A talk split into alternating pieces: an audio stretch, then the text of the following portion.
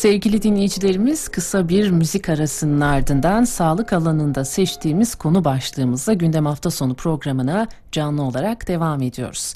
Gıdalar üretimden tüketime kadar geçen sürede çeşitli faktörlere bağlı olarak bozulabiliyor bildiğiniz üzere. Bozulmaya neden olan faktörlerden biri de küfler. Gıda küfü nedir? Hangi gıdalarda nasıl, neden oluşur ve vücudumuza nasıl zarar verir? Bu sorularımızın cevabını alacağımız konuğumuz şu an telefon attığımızda. Diyet uzmanı Özden Ökçü bizimle birlikte. Günaydın, hoş geldiniz. Günaydınlar Ece Hanım, hoş bulduk. Sayın Ökçü birçok gıdada sıklıkla karşılaştığımız bu küfler nasıl oluşuyor acaba ve niçin? E, küfler elimize aldığımız hemen hemen her besinde karşımıza çıkıyor. Hepimizin de karşılaştığımız durumlardan birisidir. E, baktığınızda e, bir gıdayı bir besini evinize aldığınızda uygun şartları oluşturmazsanız onlar için yani aslında e, mikroorganizmalar için aslında uygun şartlar oluşuyor ama e, gıdayı muhafaza etmeniz için uygun şartlar oluşturmadığınız takdirde bunlar küflenmeye başlıyorlar. Bu uygun şartlar peki nelerdir? Nasıl bir ortamda saklanmalı bu gıdalar? Ee, mesela hemen hemen her etiketin üzerinde şöyle bir ibare vardır ya e, soğuk ve işte ne bileyim güneş almayan e, ısıdan ve nemden uzak tutarak saklayın gibi ibareler. Evet. Hani bu ürünler biraz daha böyle buzdolabı sıcaklığında tutulması muhafaza gerek e, muhafaza gerektiren yöntemler. Ne bileyim işte e, eksi 2 derecede saklayın ya da artı 4 derecede saklayın gibi ibareler var. Çünkü burada mikroorganizmaların üremesi için uygun ortamı sağlamıyoruz. Bu şartlarda da ürünümüz biraz daha muhafaza etmiş oluyoruz. Aslında her gıda için o zaman farklı uygun şartlar var değil mi? Hani üzerinde de o belirtildiği hı hı. gibi özellikle paketli gıdalar için. Hı hı. Evet evet mesela manavdan ya da işte marketten aldığımız ürünler için de bunlar geçerli. Biz mesela en basitinden hepimiz her gün evimize meyve sebze alıyoruz. Bunları dışarıda sakladığımız e, bir müddet sonrasında üzerinde küfler görebiliyoruz. Atıyorum işte portakal. Portakalın bile küflendiğini görebiliyoruz.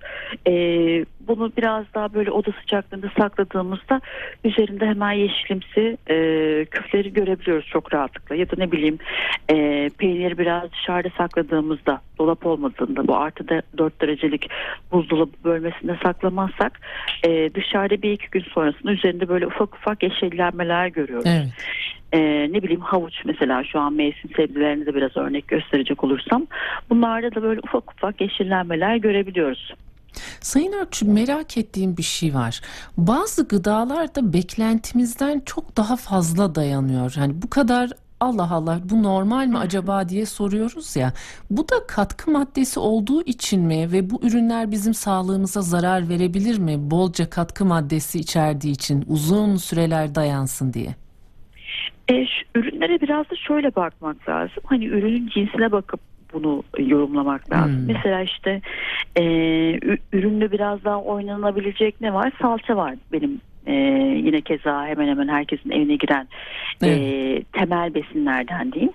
Salçaya baktığımız zaman hani herkesin böyle uzun uzun gitmesini istiyor. Çünkü hani baktığımızda biraz daha ekonomik olarak da yüksek. Evet. E, salçanın yapısı biraz daha e, bizim hani su aktivitesi dediğimiz e, oranın yani su içeriğinin biraz yüksek olduğu bir besin olarak karşımıza çıkıyor. Ee, böyle ürünler yani işte biraz daha sert değil de biraz daha yumuşak yapıya sahip olan e, besinler, yiyecekler biraz daha bozulmaya eğilimli oluyorlar. Çünkü e, işte küflerin, mayaların, sporların gelişmesi için biraz daha uygun ortam var onlarda. E, burada katkı maddesi biraz daha fazla olabilir ama tekrar altını çizerek söylüyorum o işte soğuk zinciri kırmamak lazım. Ne bileyim işte marketten aldıktan sonra dışarıda muhafaza etmemek lazım.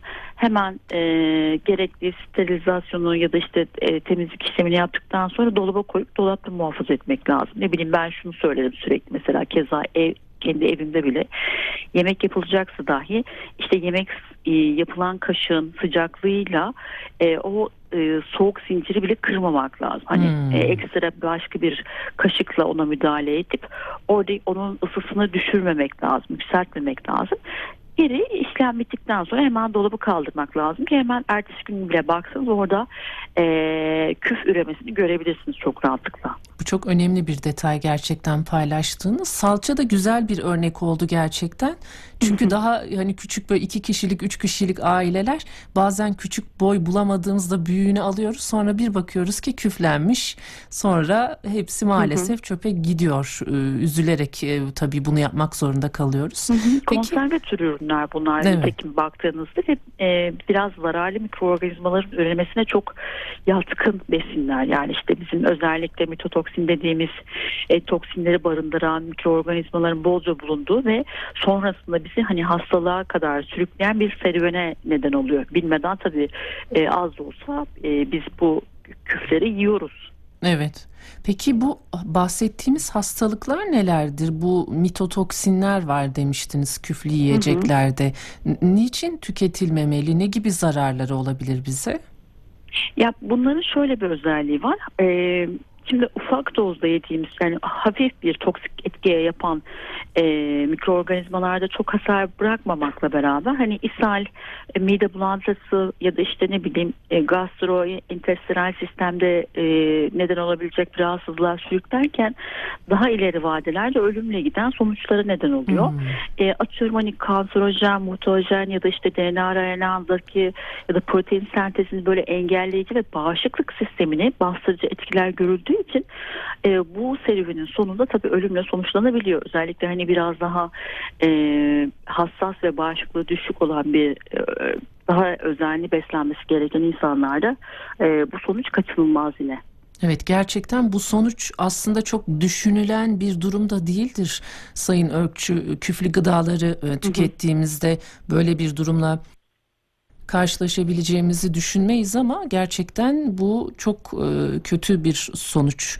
E, buradan hı hı. tekrar e, küflü gıdaların niçin tüketmememiz gerektiğini de belirtmiş olduk dinleyicilerimize. Evet. Bir de tabii tüm bu hastalıkların yanında normalde küflere de alerjisi olanlar var. Onlar için de sanırım farklı bir boyut taşıyor bu durum.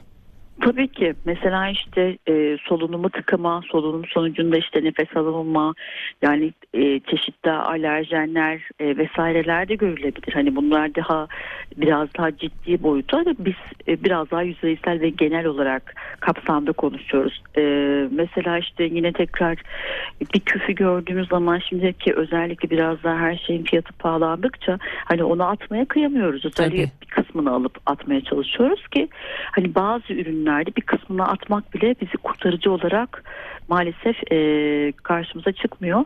Çünkü küflerin öyle bir yapısı var ki böyle ağ gibi yani gittiği yere ağ gibi her yere besinin içerisine yayılıyor ve uçlarında toksinler var nitekim toksinler işte çok en uç noktaya kadar ulaşabiliyor. O yüzden bir tık daha e, bazı yiyecekleri atarken ya da işte küflendiğinde e, bir kısmını atma konusunda biraz daha dikkatli olmalarını hmm. tavsiye ederim. Evet bu genelde böyle peynir küflendiğinde falan çok yapılır Sayın Örkçü bahsettiğiniz gibi.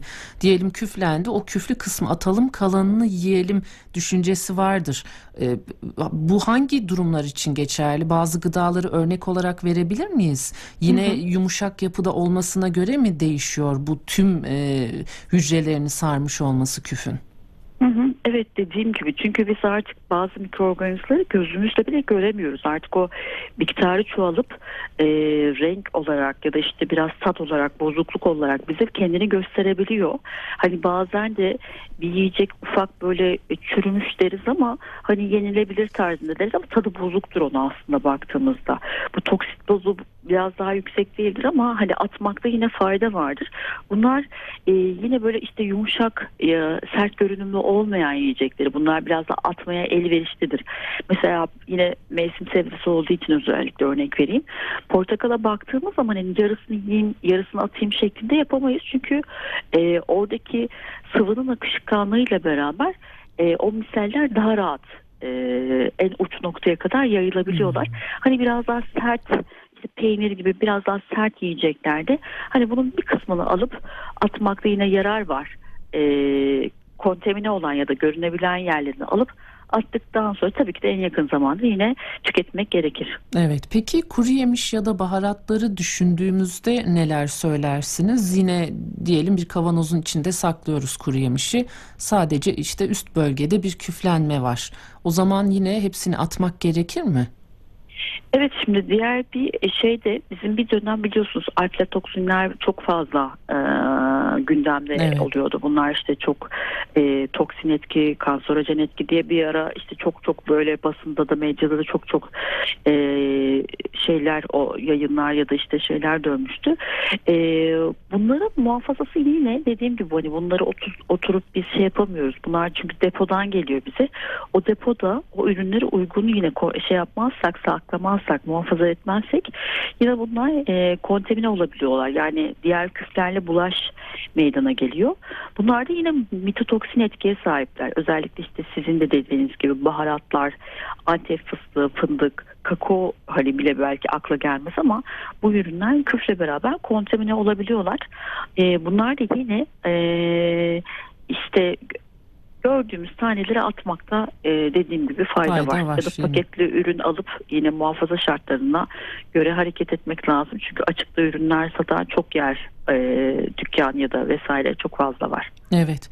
Bazen e, sokaklara hayvanlar için bırakılan yemeklerde de küflü peynir, küflü ekmek gibi şeyler görüyorum ben Sayın Örtçü. E, biz yemiyoruz ama onlara da zararı olabilir değil mi? Onlara da vermemek gerekiyor bunları. Hı hı, kesinlikle kesinlikle yani şimdi e, sonuçta onlar da bir canlı E, onların da canlı olduğunu onların da hani e, türlerinin farklı olup ama f- hayati fonksiyonlarının yine bizim gibi olduğunu e, düşünmek lazım bu, yüz- bu yüzden de biraz böyle hani e, empati yapmak lazım. Evet. Çünkü onlara da mesela hani bunu biraz daha geniş tutup e, bir tarımda ya da işte ziraatte çalışan birisinin üretim yapan birisinin ineği ya da koyunu vesairesi varsa bunlara da böyle işte küflü ya da işte yemedikleri yemek artıklarının bozulmuş yemek artıklarını veriyorlarsa e, hayvanların da işte yağına geçebiliyor E, ve biz bu yağları tüketip e, onlardan da bize bulaş yine tekrar olabiliyor. Burada da bir duyarlı da olmak evet. lazım. Evet. O toksinler bize de geçebiliyor, geçebiliyor o et Kesinlikle. süt ürünlerinden.